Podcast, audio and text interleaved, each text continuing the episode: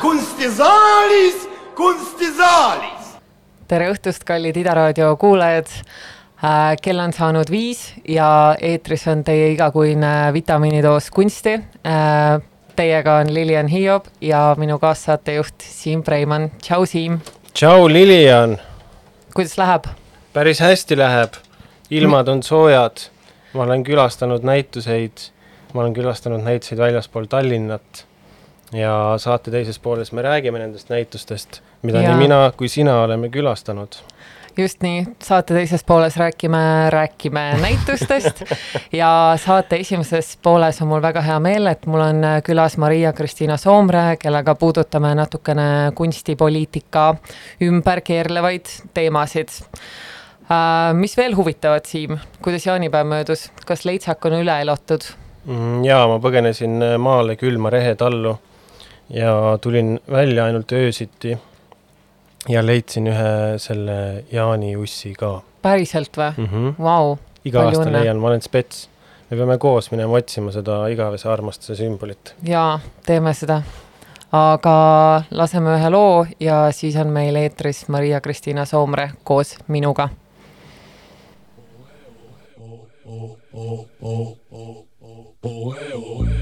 I can see a day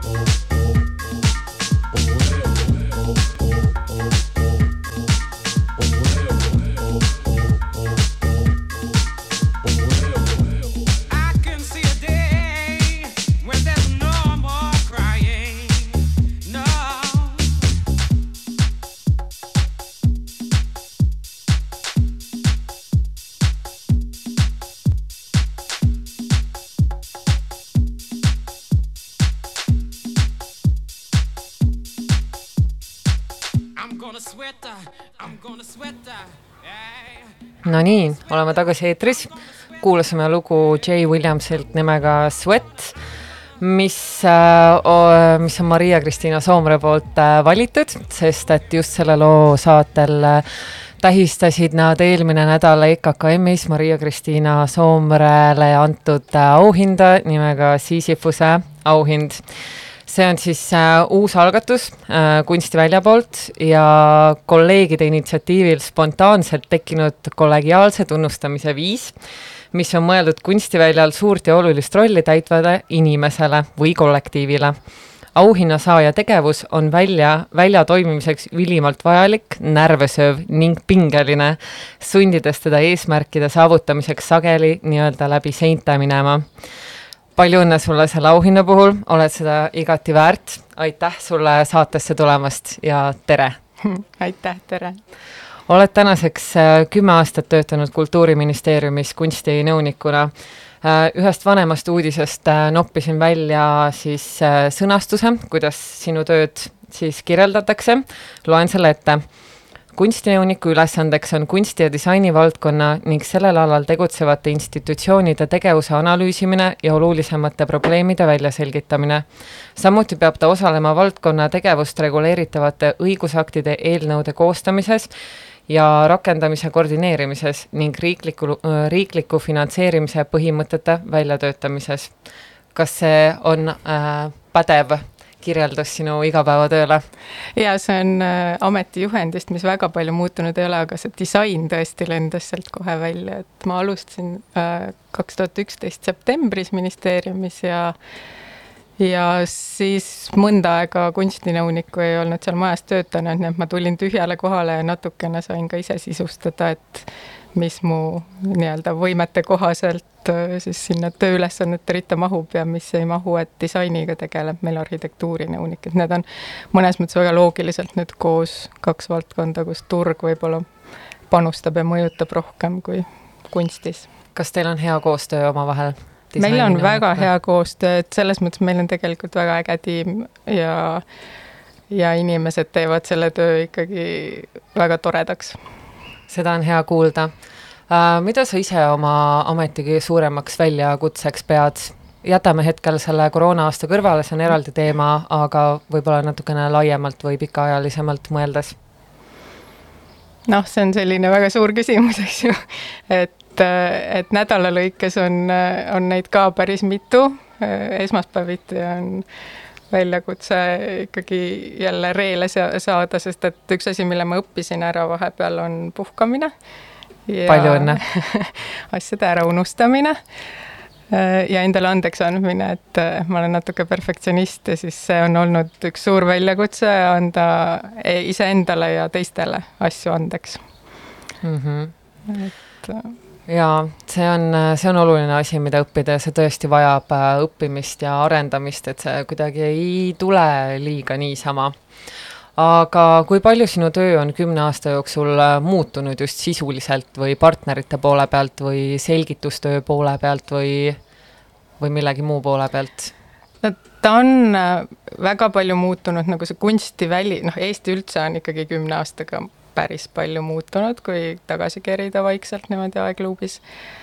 Äh, kunstiväljal on väga palju muutunud, need muutused olid õhus, et selles mõttes ma nagu äh, aeg-ajalt äh, hariduslikel eesmärkidel loen üle seda väikest esseed, mis ma kandideerides kirjutasin, et milline see minu visioon on kunstielust Eestis viie aasta pärast, ehk siis kaks tuhat kuusteist, et et võiks öelda, et päris palju õnnestus nii-öelda täppi tulistada, aga, aga need asjad olidki õhus mm. -hmm. ja, ja selles mõttes nagu on, on see olnud niisugune äh, rõõm teha seda reisi kaasa päris suure seltskonnaga äh,. aga ametniku elus muudab väga palju see äh, nii-öelda ministeeriumi suurpilt, et et ministreid on päris mitu vahetunud, neil on erinevad prioriteedid, fookuses on erinevad teemad, kas siis äh, mingist looduslikust paratamatusest või sellest, mis majanduses või eelarvetes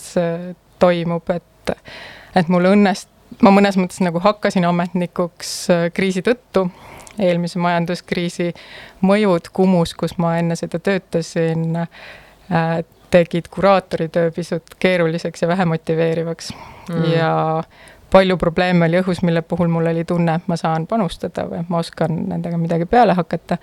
ja siis see äh, kunstieelarve ehitamine on võib-olla olnud niisugune töö, et ma alustasin nagu päris väikesest sellisest äh, liivakuhjast ja nüüd on nagu pool mäge juba äh, kokku tulnud vaikselt, et, et selles mõttes niisugune valdkonna rahastamine, et see on kõige suurem väljakutse ikka aga, aga aasta-aastalt on need fookused jah erinevad mm. -hmm. aga kas sa oskad veel selle kümne aasta jooksul välja tuua muutuseid peale rahastuse tekkimise, mis on suuresti kindlasti sinu ja sinu tiimi teene, aga võib-olla veel midagi üldisemalt kunstivälja ja selles lasuvate probleemide või siis just äh, tugevate kohtade kohta? no kuskil seal poole peal me kirjutasime ühe seaduse ümber äh,, kunstiteoste tellimise seaduse, mil mille tuules ma ka võib-olla või see ametikoht uuesti äh, mehitati, et äh, et selle seaduse toimimist kuidagi kontrolli all hoida ja siis õige pea selgus, et kuna see oli esimest korda Eestis äh, üldse nii-öelda välja mõeldud protsess, et seal oli palju lünki, mida siis sai täita.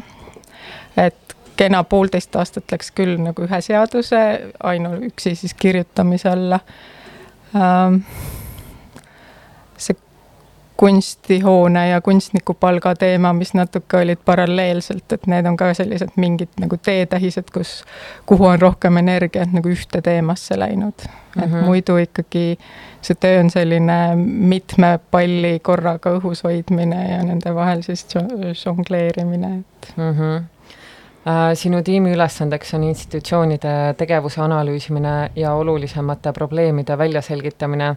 mis meetodeid äh, selliseks analüüsimiseks kasutatakse ministeeriumis?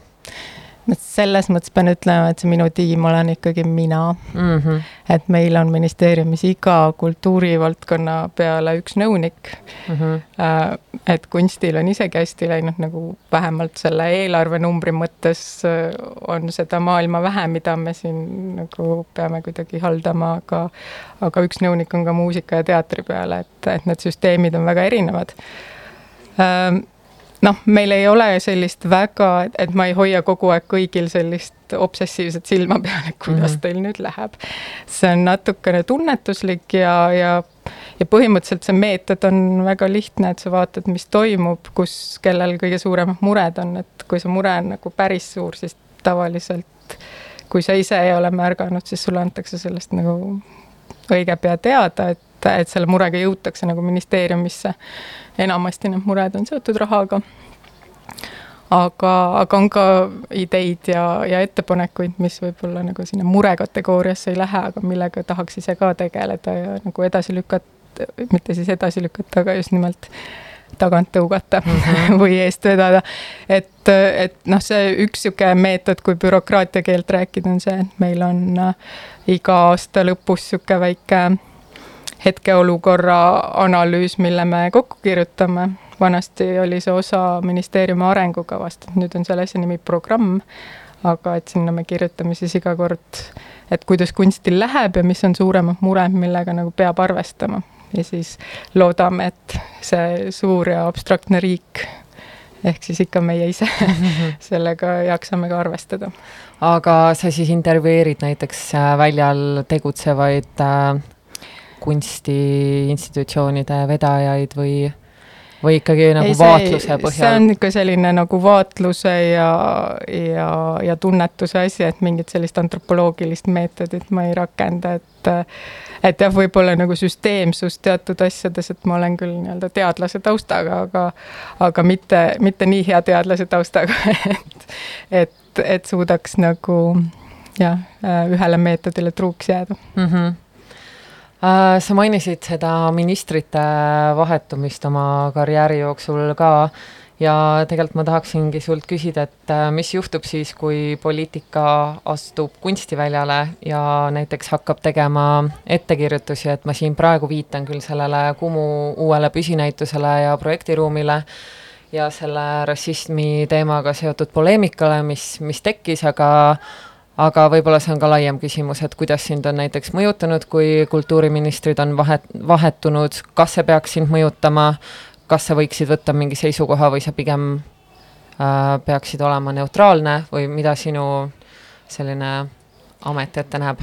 ja see, selles mõttes on, ametnikud ongi ministri meeskond, et, et me töötame ministrite heaks ja see ongi demokraatia protsess, et ministritel on mandaat teha otsuseid ja asju ellu viia ja meie saame neile anda nõu.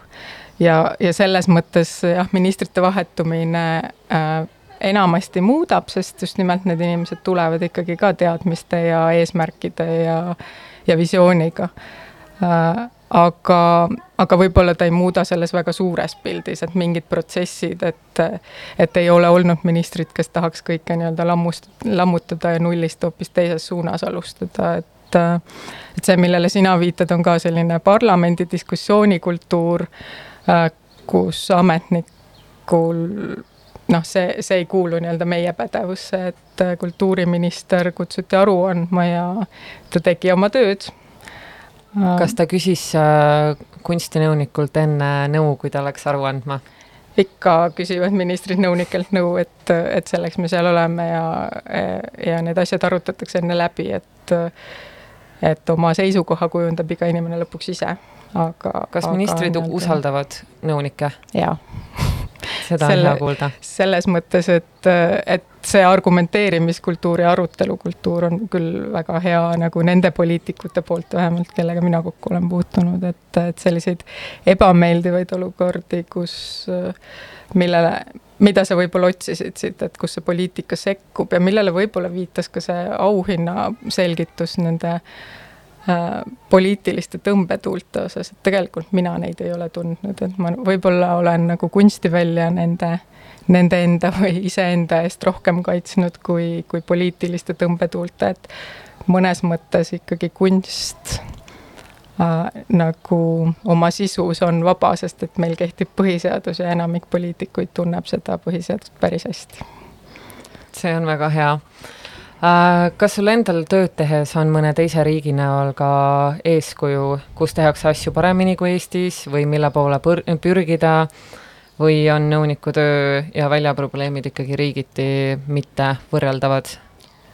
Äh, nad niimoodi väga konkreetselt ei ole jah võrreldavad, sellepärast et riigid on erinevad poliitikad ja kogu seadusandlus ja kõik, kõik on ikkagi meil siin ümberringi ka päris erinev, aga loomulikult me oleme nagu oma siis kolleegidega ka teistes lähiriikides mingis kontaktis ja, ja aeg-ajalt vahetame infot või aitame teineteist, et aga see on pigem nagu aktuaalne siis, kui kas muudetakse mingit seadust või tahetakse millegi täiesti uuega välja tulla, et siis see teiste riikide praktika on aktuaalne.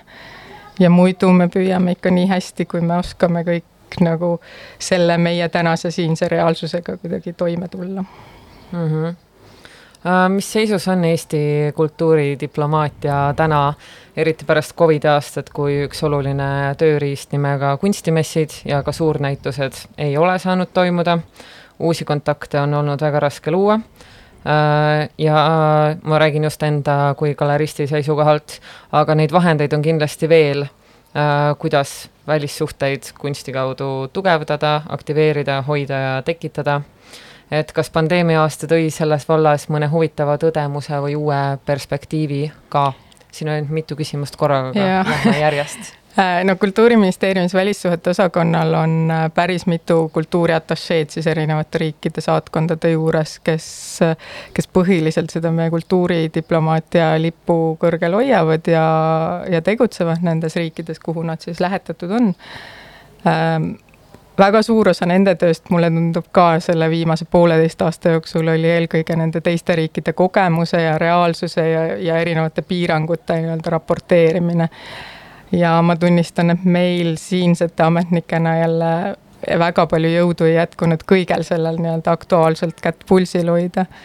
sellepärast, et ähm, eks siin tuli ka reageerida nagu nii hästi ja kiirelt, kui, kui see võimalik oli äh, aga teatud asju ikkagi on toimunud, et noh, et kohe, kui näitused saavad toimuda, siis, siis ikkagi on jälle märke, et Eesti kunstnikud on ka äh, kusagil jälle pildil, et, et selles mõttes noh, me, me kõik oleme samas reaalsuses ja selle, selle piires toimime. et, et ma ei usu, et see oleks nüüd nagu selline väga suur ja, ja põhimõtteline muudatus nagu selles osas, et riikide vahel see kultuuridiplomaatia on väga oluline vahend, et ega see kuhugi ei kao jaa, seda kindlasti, ma just mõtlesin, et äkki on mõni niisugune uus nišš äh, sinna vallale, äh, väljale tulnud. Või noh, see ei ole muidugi konkreetselt kultuuridiplomaatia, kui ma seda näitena toon, aga lihtsalt võib-olla nagu näide, et kui kunstimessid jäid ära, siis hakati tegema veebipõhiseid kunstimesse, aga näiteks mina, kes ma olen sellega igapäevaselt väga seotud, siis mina tõdesin küll, et äh, ega need veebimessid, nad on nagu kena arhiiv, see on väga hea kuidagi enese toonuses hoidmiseks, galeristi äh, toonuses hoidmiseks. Aga uusi kontakte siin, seal luua on praktiliselt võimatu, spontaansed olukorrad puuduvad ja see on kuidagi ikkagi hästi niisugune strict ja, ja lihtsalt niisugune nagu mingis mõttes arhiivi tekitamine. et, et mul oli küll see tõdemus, et äh, näiteks need füüsilised äh, messid ja näitused, et need ei kao kuhugi ka veebimaailma arenedes ja ei äh,, diplomaatia ja üldse laiemalt poliitika on ikka ka inimestevaheline kunst, et selles mõttes äh, äh, hästi palju sõltub sellest otsekontaktist. jaa, kuigi meil on olemas täna vahendid nagu Zoom ja videokõned, kus justkui see peaks olema nagu kaetud, aga aga nii see ikka ei ole, et äh, inimmõõde on ikkagi väga, väga oluline siin vallas aga räägime loometoetustest, et kui esimesel kriisi ajal pidid vabakutselised loovisikud kandideerima väikesele hulgale toetustele, siis nii-öelda järgmises voorus äh, oli muudetud nii toetuste saamise tingimused, ehk siis taotleja võis teenida miinimumpalka, kui ka toetuste eelarve, see oli piisav. ei pidanud enam kolleegidega konkureerima äh,. nagu sa ise naljatades oled öelnud oma Facebooki lehel seda uudist jagades, et ametnik saab öelda, et raha on piisavalt. räägi natukene sellest protsessi tagamaadest, sest see on ikkagi väga eriline olukord ja ma ei tea, kas ma olen kunagi kellegi käest kuulnud, et raha on piisavalt võib-olla see oli ka ennatlik aga, aga see on tegelikult üks asi, mida ma nagu äh, jätkuvalt tunnen, et on vaja selgitada, et see seadus, mille alusel seda loomatoetuste raha jagatakse, kehtib aastast kaks tuhat neli, ehk et see on väga vana ja ammu ja väga paljude teiste inimeste poolt välja töötatud süsteem, et äh, neid abivajajaid lihtsalt on olnud nagu erinevatel põhjustel palju vähem, umbes sadakond aastas Äh, natuke ma ikkagi siiamaani olen nüüd veendunud, et ka sellepärast, et sellest lihtsalt ei teatud. Ja nüüd teatakse, mis tähendab, et äh, nagu ma ka kõigile alati nõu annan, et kui sul on abi vaja, siis pead seda küsima, sest muidu ei oska keegi sulle seda anda. ja siis sa igal juhul ei saa, kui sa ei küsi. et, et selles mõttes neid abiküsijaid on olnud tõesti nende pooleteise aasta jooksul varsti juba äh, väga palju ja väga paljud on ka abi saanud, et selles mõttes on see olnud nagu selline väga koormav, raske ja keeruline protsess, aga, aga asi, millel on nagu mõte või et sa saad aru, et et see, et sinna süsteemi sai raha juurde panna, oli mõnes mõttes selline nagu ka mingil järjekordsel Zoomi koosolekul välgatanud idee, et meil on see süsteem olemas, me ei pea midagi nagu nullist välja mõtlema. Äh, ja et sinna on nagu päriselt seda raha jätkunud nagu erinevatel aastatel. et mulle tundub, et täna nagu äh, noh, see seadus ei ole ideaalne, et ta kehtestab küllalt võib-olla oleneb jälle kelle käest küsida, madala lävendi selle jaoks, et kes see loovisik on, kes sellele abile kvalifitseerub Äh, noh, samas jälle, eks need inimesed on kõik need, kes abi vajavad, et siin ei küsita, kas sinu äh, kunst või muusika on äh, nii-öelda, kuulub tippude hulka või, või oled sa alles algaja või, või võib-olla oled sa elus lihtsalt teinud valikuid, mida sa äh, täna kahetsed, aga see abi on nagu täna olemas ja ma arvan, et see on see põhiline. Äh, küsimuse ma unustasin ära. jaa äh,, see on täiesti suurepärane, et see abi on olemas ja ka minu meelest noh, mingis mõttes see muidugi on ju, sa rääkisid sellest nii-öelda madalast lävendist, aga, aga teisest küljest just tihti need inimesed, kes ei olegi oma CV-ga kuskil tipus, need kõige rohkem vajavadki seda abi, sest neil ei ole kümmet näituse kutset ja nad ei saa endale kunstniku või artisti tasu, mis neid nagu ära toidaks, et selles mõttes see on, ma arvan, väga, väga tänuväärne ja humaanne süsteem. Kahjuks jah, need kümme näitusekutset ka ei toida ära, et see on see meie reaalsus teistpidi. seda ka jah. Aga rääkides veel nendest toetustest, siis äh, minu jaoks hästi oluline faktor siin on lisaks elulisele ehk siis äh, rahalisele toetusele see, et kunsti ja kunstnike tööd läbi selle väärtustatakse ja loovisiku toetamine täies mahus, mitte piiratud konkursi raames, annab ka avalikkusele signaali, et loovisikud ei ole lihtsalt abstraktsed äh, nokitsejad, et nende töö on väärtuslik ja tähtis, kunstnikud on tähtsad, et äh, nad annavad äh, mingit kultuurilist väärtust ja muidugi meie valdkond ja ministeerium teab seda, aga ma pean siin silmas just äh, kunstikaugemat inimest, kes lihtsalt vaatab võib-olla ERR-i uudiseid ja kuuleb sealt, et niisugune toetus on näiteks olemas et minu arvates sellise toetussüsteemi loomine ja elluviimine on väga selge signaal, et loovisikud loovad kultuurilist väärtust, aga mitte iseenesest, vaid see on täiskohaga ja tihti, olgem ausad, topeltkohaga töö. ma natuke julgen sulle selles mõttes mitte siis vastu vaielda, aga lihtsalt, et ma nagu kunsti seisukohalt tahaks öelda, et et selle väärtuse jaoks, minu jaoks olulisem on kunstniku palk ja, ja ka see, et, et näitusetasud on, on vaikselt, aga kindlalt muutumas meie reaalsuseks, et et ma ise mõtlen sellest loometoetusest rohkem kui töötu abirahast, sest mm. see on ka see, kuidas see seadusesse kirja on saanud, et et ajutisel perioodil, kui sissetulekuid ei ole, saab vabakutseline seda toetust taotleda, et et lihtsalt vabakutselistel ei olnud kuni selle seaduse tegemiseni ka seda töötu abiraha võimalust mm. -hmm no ma võib-olla siis lihtsalt äh, kaitsen ennast natuke ja defineerin siis ümber, et äh, ikkagi kunstnikku või loovisikut selle seaduse raames äh, ikkagi nagu mõeldakse kui töötajat, sest kui tal yeah. on töötu abiraha, siis see tähendab, et mingil hetkel ta pidi olema töö, mille eest ta sai palka, aga, aga jah, selles mõttes nõus muidugi. aga Maria, see ülimalt keeruline, kaootiline aasta on möödas. Eeldusel, et seda ei tule uuesti, siis mis järgmiseks? mis on sinu ja Kunstiministeeriumi või Kultuuriministeeriumi põhilised eesmärgid, väljakutsed pärast äh, kroonviiruse kriisi ületamist äh,? sügisel äh, loodan, et võtab valitsus vastu selle uue kultuuri arengukava Kultuur kaks tuhat kolmkümmend, et need kultuuripoliitika teemalised arutelud on üks asi, mis on siin ka paralleelselt käinud ja, ja peavad vormuma mingiteks selgeteks sihtideks. et, et sealt tulevad ka võib-olla nii-öelda uued ülesanded, aga äh, mina ise sügisel loodan, et Praxis äh, tutvustab meile septembris äh, loovisikute uuringut, et selle teemaga me läheme kindlasti edasi ja seesama seadus, millest me just rääkisime, et et, et ilmselt äh, tuleb seda siiski muutma minna, sest et see intensiivne kasutus on kõik need Äh, vead ja nõrgad kohad ka väga hästi välja toonud. Äh, aga see ei ole nüüd nii-öelda kunstisiht, et, äh, et võib-olla seesama rohe ja, ja ringmajanduse teemade nagu väga kiire ja kuidagi intensiivne esilekerkimine, et see on üks arutelu, mida peab hakkama ka põhjalikult pidama ja, ja nagu valdkonna erinevaid suundumisi selle järgi natukene äkki ka kohendama mm. -hmm. no me oleme Siimuga siin päris mitu korda seda rohelise maailmavaate teemat äh, puudutanud ja kuigi me mõlemad, ma arvan, Siimuga oleme väga niisugused keskkonnateadlikud ja käitume väga viisakalt keskkonnaga, siis meil ikkagi on niisugune teatud eriarvamus, et äh, mina väidan, et äh, ikkagi kunstiväli on nagu marginaalne panustaja äh, kliimakriisi.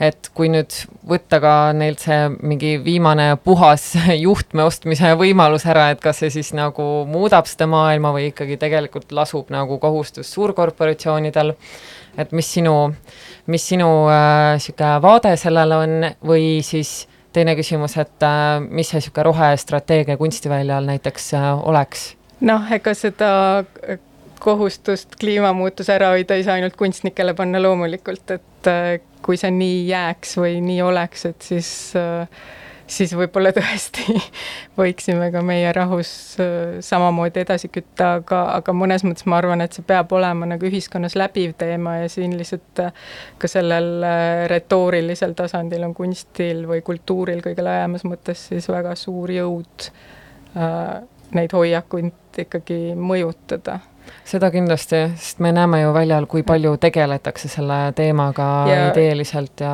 nagu ja neid mudeleid töötatakse välja ikkagi mitmel pool mujal ka, et see kultuuriväli ei ole ainus, lihtsalt et me ei peaks siin ka nagu viimaste seas nagu rongile hüppama. seda kindlasti, kas sul on mõni konkreetne näide näiteks, kuidas me saaks äh, kultiveerida kunstnikena ja kunstitöötajatena rohelist mõtteviisi?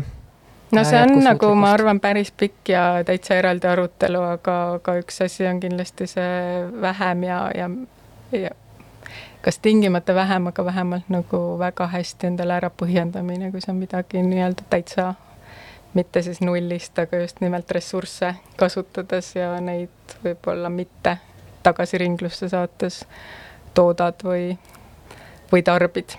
et mm -hmm et eks see küsimuste küsimine nagu ongi kõige suurem väljakutse ja nendele ausalt vastamine siis. jaa, seda kindlasti. no loodame, et äh, läheb paremaks, sest et ma tunnen küll, et need teemad siin väljal on väga õhus ja kuidagi nendest mööda vaadata on järjest raskem, et tuleb ka nüüd tõesti midagi teha selles, selles vallas aga võib-olla lõpetuseks siis natukene helgem küsimus ja Maria-Kristiina, anna meile üks või kaks kultuurisoovitust mm. -hmm. ma natuke nagu mõtlesin selle peale enda perspektiivist, et äh, et mida siin ikka anda, õnneks on äh, maailm jälle lahti ja, ja igaüks me teame väga hästi nagu, mis meile meeldib, et võib-olla mu soovitus oleks nagu vaadata selle kõrvale hetkeks või, või küsida endalt aeg-ajalt siis ka seda küsimust, et kas ma olen enda jaoks midagi välistanud. ja, ja pakkuda endale see väljakutse, et seda asja siis just nimelt lähemalt uurida ja väga tihti võib juhtuda, et need et, nagu päris elamused tulevad just sealt, kus sa nagu äh, oled harjunud neid mitte otsima kas sul on endal mõni äh, kogemus selles vallas? no viimane Just. sarnane kogemus, äh, ka natuke võib-olla selline pandeemia või mu, mu enda puhul vaktsiini kõrvalmõju, nagu ma naljatlen, on see, et äh, ma olen nagu väga süsteemselt mitte süsteemse inimese kohta äh, tundnud huvi videomängude vastu, mis ei kuulu minu maailma ega lapsepõlve mitte kuidagi äh, Äh, ja proovinud neid ka mängida ja sealt nagu need eduelamused on äh, tulnud. ja ma oleks nagu veel, ma arvan, aasta tagasi öelnud selle kohta never ilma igasuguste hoiakuteta. mis Aga mäng hoia... su lemmik on ähm,? mis mängu sa mängid? Second Life Donkey Kong Tropical Freeze nagu ilma, selle praeguse ilmaga väga soovitan okei okay,, jätan meelde, ma siis äh, lasen ka endal äh, natukene kuidagi äh, selle, selle valla peal äh, uusi seal kogemusi ma ei oska Oo. ujuda ja seal ma saan seda teha. ma õpetan sind, ma olin vana ujuja. aga aitäh sulle, Maria-Kristiina, saatesse tulemast, oli väga põnev. ja nüüd kuulame David Bowie laulu Golden Years ning siis jätkame Siimuga näitustest rääkimise lainel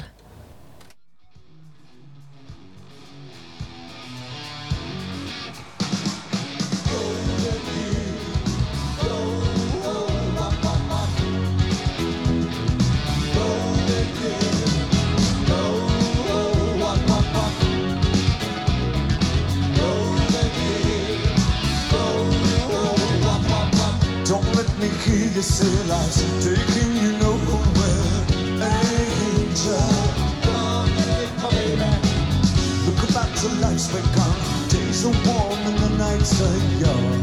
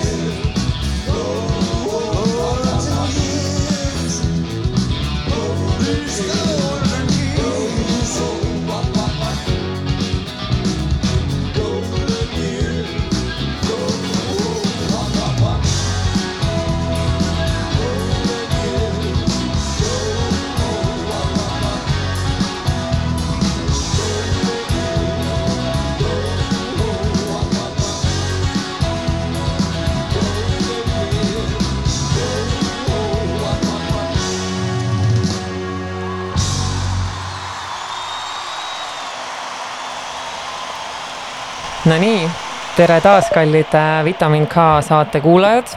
meil oli külas äh, Maria-Kristiina Soomre. nüüd ta läks juba taas kord oma tööd edasi tegema, nii et aitäh talle, et ta leidis aega meiega ühineda pooleks tunniks. ja nüüd me jätkame seda viimast kahtekümmet kahte minutit äh, Siimuga, rääkides näitustest, mis parasjagu meil Eestis toimuvad. mm. -hmm. sa tahad, et mina alustan, jah? miks mitte? oi, kuidas sulle meeldiks, et mina alustaksin. kuule, ma jäin mõtlema selle peale, et äh, kuidas sulle muidu tundub üldiselt, kas me oleme sellised äh, optimistid või pessimistid, kui me näituseid külastame Hmm. selline sisekaemuslik küsimus, et kas vitamiin K paneb, ma arvan, me ei pane puid alla väga palju ei pane või? mm. -mm. Ja Mina- tegelikult peab tunnistama, olles nagu enesekriitiline natukene või kuidagi ennast reflekteeriv, siis ega väga nagu ei söanda liiga lihtsasti ka puid alla panna, sest et äh, väli on äh, väike ja kõik inimesed teavad üksteist ja lihtsalt nagu kuidagi ise teed ka näituseid ja siis äkki need meie näitused on ka head või halvad. jah, no aga selles mõttes, et ikkagi halbu näituseid on väga vähe, et mina olen küll siin selle nüüd, kui pärast Covidit on kõik lahti läinud, selle aja jooksul tõdenud, et täiesti mega palju häid näituseid mm. on ja igale poole lihtsalt ei jõuagi või kogu aeg on niisugune tunne, et okei okay,, nüüd ma vaatasin kõik ära ja siis tuleb jälle mingi ülihea näitus mm. -hmm. et minu meelest see tase on väga hea ja inimestel on kuidagi niisugune tempo sees ja mm Mhm. -hmm. tahetakse asju teha ja kuidagi hea on nagu. ma pole küll midagi halba näinud.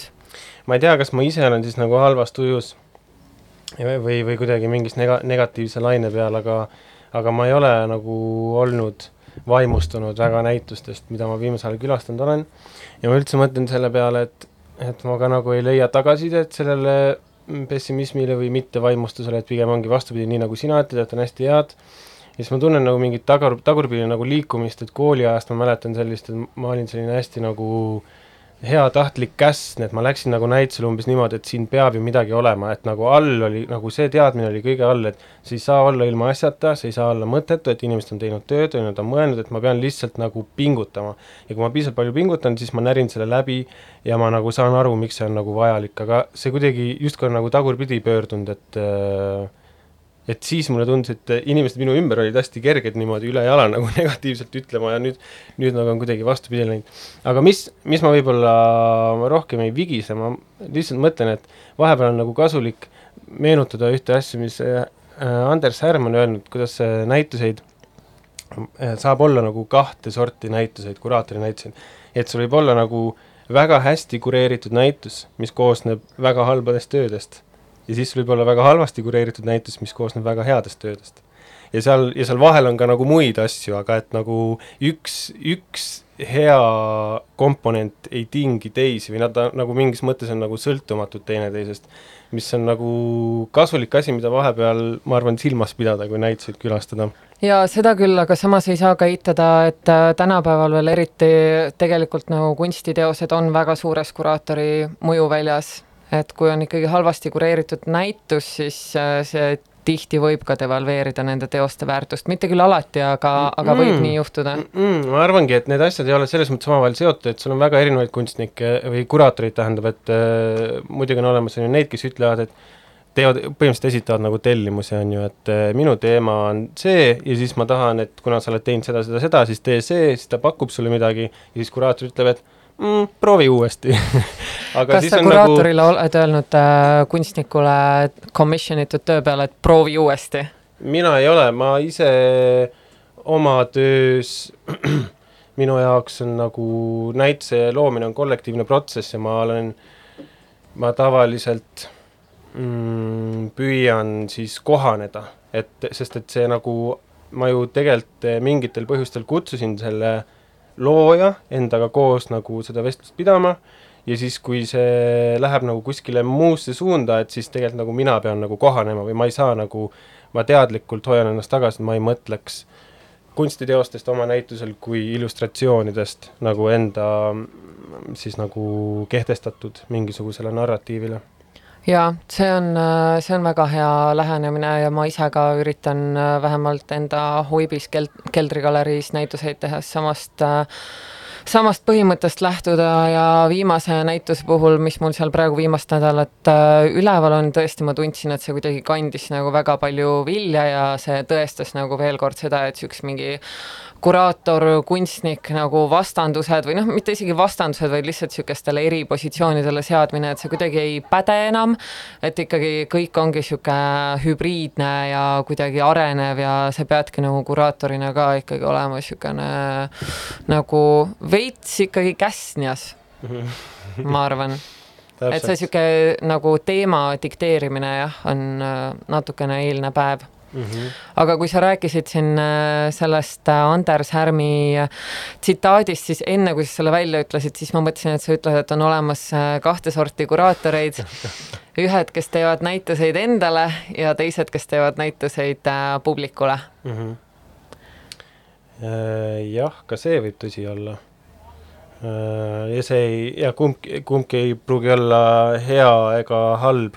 Aga ma mõtlen, et äh, võib-olla siis võtame ette esimese case study, et me käisime eile mõlemad ühel ja samal näitusel mm, EKKM-is, mis on siis Laura Tootsi kureeritud Kaugete meelte kuma.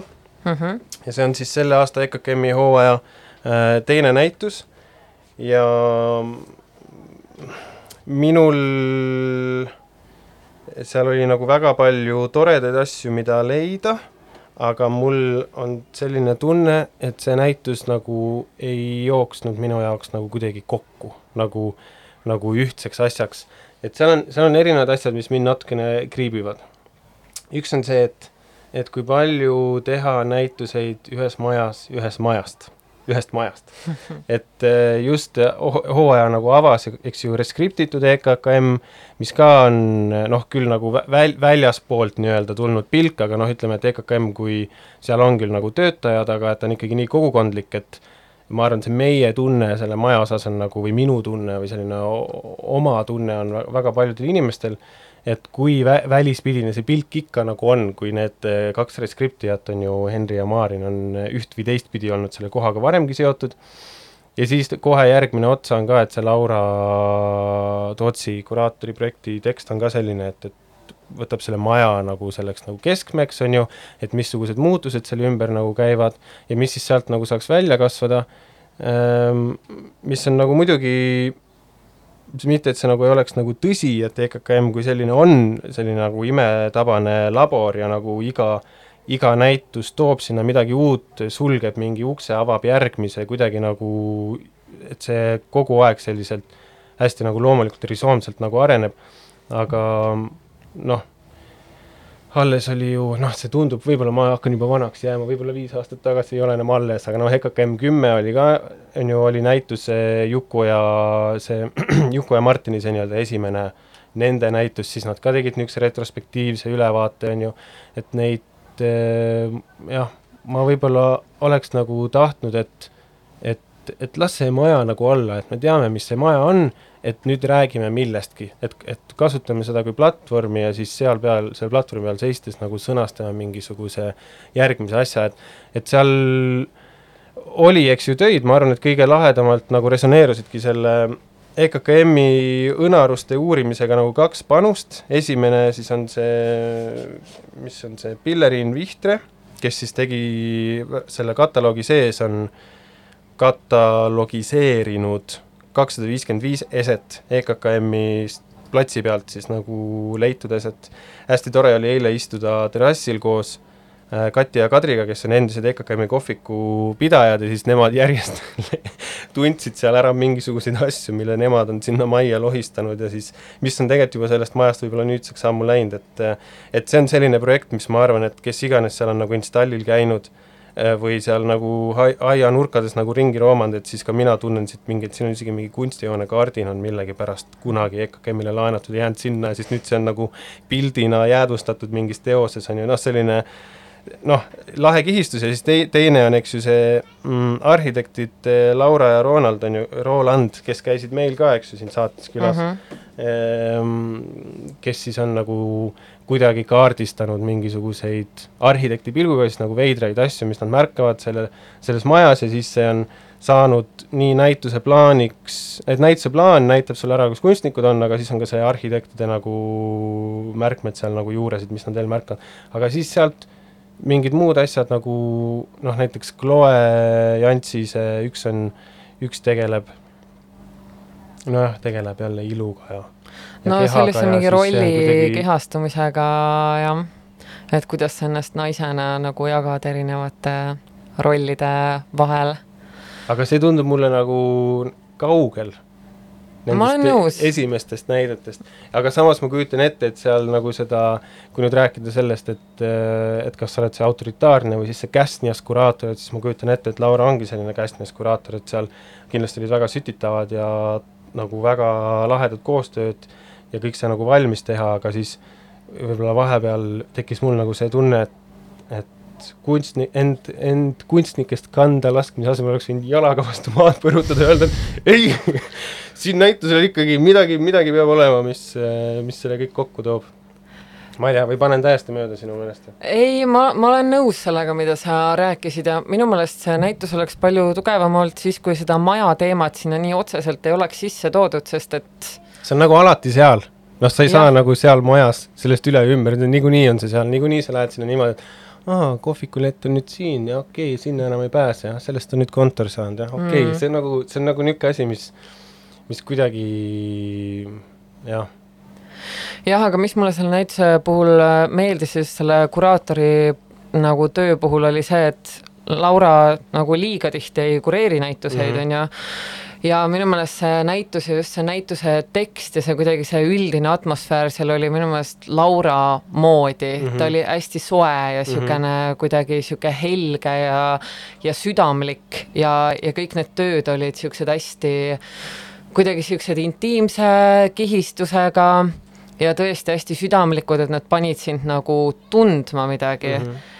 erinevalt näiteks äh, võib-olla kuna me pidime ka analüüsima täna Kumu viiendal korrusel olevat äh, Reivi näitust Kati Ilvese poolt kureeritud, et see oli rohkem nagu selline fenomeni kaardistamine, võib-olla niisuguse kaugema, külmema teoreetiku pilguga, aga Laura näitus, eriti kui nüüd nagu järjest käia vaatamas, nagu mina tegin eile, siis tõesti sa nagu näed, et, et see Laura Tootsi kureeritud näitus on niisugune nagu südamlik mm -hmm. ja ma ei mäleta, millal ma viimati nägin sellist näitust, kus ma tundsin seda tunnet, et see on mm. Mhm. nagu, see tõstis minust selliseid emotsioone, et mingis mõttes isegi see, nagu need teosed eraldi muutusid nagu teisejärguliseks, et see oligi see mingi atmosfäär, oli ka eile oli väga soe ja ilus õhtu mm -hmm. ja seal ja muidugi äh, kohvikus ju, oli hästi need palju tuttavaid, on ju, ja see kõik kuidagi, see nagu läks väga hästi selle näitusega kokku ja selle temaatikaga ka jah, värvitud seinad, muidugi see Pärsimägi ja selle Diana Tamane video nagu selgapidi kokkupanemine,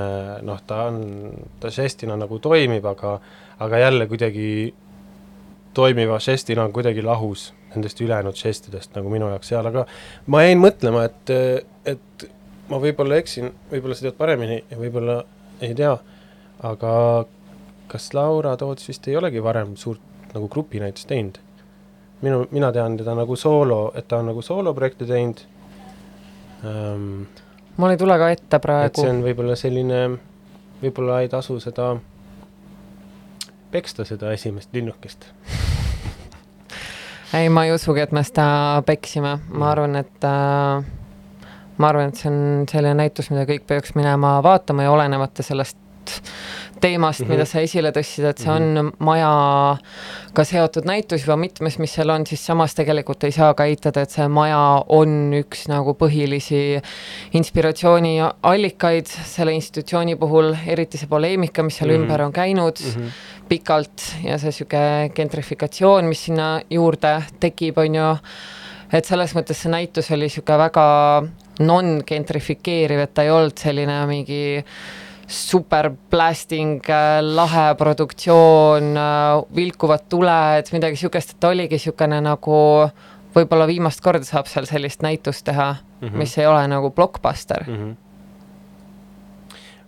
ma alles nüüd närin selle läbi, aga kas ei tundu, et need värvid, vaata, mis olid seintele võetud, see kollane ja siis see, need on vist Sigridi need fassaadivärvid või? vaata, kollane, helesinine ja beež või see niisugune šokolaadijäätise toon. Need nagu oleks võib-olla tuppa küll jah, jõudnud välja, ka see, eks ju, need, need, see samet pehmendus, mis oli pandud selle, selle, selle, selle Asta Venderi tööde ümber ja nii. aga okei okay,, okei okay.. Ei-, eile saime ka sellist tagasisidet, et eh, liiga vähe kaasame publikut oma saatesse, nii et võib-olla või? siis see ongi võib-olla siis see ongi see koht, kus öelda, et minge näitusele ja kirjutage meile ja siis eh, kõige parema kirja me loeme järgmine kord ette. Aga Lilian, kas sina oled reivi inimene? mm,. mitte konkreetselt, aga ikka olen aeg-ajalt mm. sattunud ma arvan, et sa oled rohkem reivi inimene, kui mina olen. võib-olla tõesti. no sina oled meil rohkem pereinimene no.. no mina olen reividel käinud nii palju, kui oli vaja seda viinavalajat ja Mm. siis, ja siis olin seal nagu baari taga. aa, ma olen ikka see viinajooja olnud jah, jah, me oleme olnud teineteisel pool seda letti, mm. -hmm. et, et selles mõttes oli äh,, mina käisin nüüd juba mõnda aega tagasi seal näitusel, aga võib-olla kui kiiresti nüüd öelda äh,, ma olin nagu turist ja ma käisin, eks ju, üksi ja siis ma tundsin, et mul oleks, ma oleks pidanud kaasa võtma mingi sõbra, mingisuguse niisuguse sõbra, kes on käinud äh, üle Euroopa nagu lihtsalt niimoodi, et ma lähen pidutsema, et ma ei lähegi midagi muud tegema, ma lähen sinna pidutsema, niisuguseid, niisuguseid sõpru ikka leidub. et nad siis räägiksid mulle, võib-olla mitte seda, et mis nad nüüd sellest teosest teavad ja nii, aga et kuidagi, et seda nagu folkloori sinna nagu rohkem sisse tuua. et äh, ja see mind võib-olla toob ka selleni, et mis mind nagu, millest ma tundsin, et mul nagu puudu jäi, oli nagu see, et seda, et oli küll kohalikke kunstnikke kaasatud, aga, aga ei olnud nagu kohalikku seda kultuuri kuidagi nagu kajastatud. et jäi nagu selline tunne, et, et see tuleb sealt kaheksakümnendate lõpust ja kuidagi sealt ja sellest linnast ja sealt linnast, aga et linkida nagu ära see, et, et kuidas seesama asi avaldub nagu siin, et seda nagu ma ei tundnud, et ma sealt nagu sain, et, et sa justkui nagu vaatadki seda nagu mingit nagu fenomeni distantsilt, aga ta ei ole kauge fenomen, ta on tegelikult asi, mis okei okay,, viivitusega ja nii, aga ta on ikkagi nagu siin. jaa, aga tegelikult seal ju oli ka kohalikke kunstnike töid ja kuidagi mis see esimene töö oli, kui sealt sisse minna, kas see oli Mark Raidpere fotod või? et, et seal oli nagu ikkagi seda kohalikku lõpus olid need Tarvo Hanno ja, ja just, just, just, just, just, ja, ja ja, ja mulle kuidagi, mulle tundubki, jah, see on perioodi töö, see ongi nagu selline jah, nagu sealt ajast ja ja nii on ju. ja okei okay.. jaa, aga mulle, mulle tundubki, et võib-olla see ei olegi nagu nii väga riigiti erinev, et see niisugune fenomen on nagu, ongi laialdasem ja ta kuidagi nagu, muidugi ta võtab mingisuguseid kindlasti eri vorme eri riikides ja ja nii edasi, aga see niisugune nagu tuum, mis seal on, jääb nagu samaks ja ei saa ka eitada meelemürkide olemasolu selles diskursuses, mis mm -hmm. seal tegelikult seal näituses ka nagu tuli ju välja, et see ikkagi on nagu seotud selle ekstasi kasutusega ja, ja sellega, et sa lihtsalt oled üksinda teiste seas ja see on nagu omaette fenomen, et sul on üksinda teiste keskel nagu mõnus olla ja sa ei pea mitte kellegi teisega suhtlema, sa lihtsalt tantsid ja see on niisugune kaasaegne transsi minemismeetod mingis mõttes. ja täpselt samamoodi nagu mingisugused šamanistlikud rituaalid on nagu, nad on mingis mõttes universaalsed, siis võib-olla see reiv on nagu samasugune niisugune fenomen. võib-olla võib-olla. aga, aga selles mõttes küll, et see näitus oli nagu hästi nõudlik, sest et videoteoseid oli seal väga palju ja ka pikkasid. ma arvan, videosid oli seal üle kolme tunni kokku kindlasti. oo jaa. ja Et- kõiki oleks tahtnud tegelikult vaadata. ma olen mõelnud, et kas selles olukorras oleks parem teha mingi nagu aegadega screening ud, noh, selles mõttes, et ongi siis mingil kindlal kellaajal hakkab mingi pooleteisttunnine film, mitte nii, et sa tuled äh, näitusele ja siis kuidagi juhtub nii.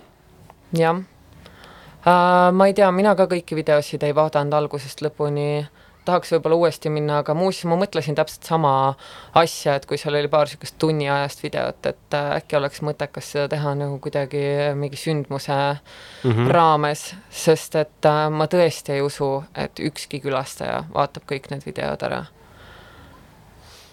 kuule, aga meil on vist aeg otsas. peaaegu, me ei, äkki sa käid, äkki siis on niimoodi, et kas sa jõuad järgmiseks saateks seal Kohtla-Nõmmel käia või sa ja. Ei kavatsegi minna? ma kavatsen, muidugi ma kavatsen. no aga siis äkki järgmises saates saame sellest rääkida, jaa muuhulgas. olgu nii äh,. Siim, kas sul on mõni kultuurisoovitus äh, kuulajatele anda äh.? jaa, Tallinnas Pae tänaval on galerii Mihhaili näitus. Sinna ja. ma lähen homme, minge ka. Ma tulen ka. Mis kell sa lähed?? kell neli. okei okay., ma äkki tulen ka. aga olgu, aitäh meid kuulamast aitäh teile. tšau, näeme Tšau. kuu aja pärast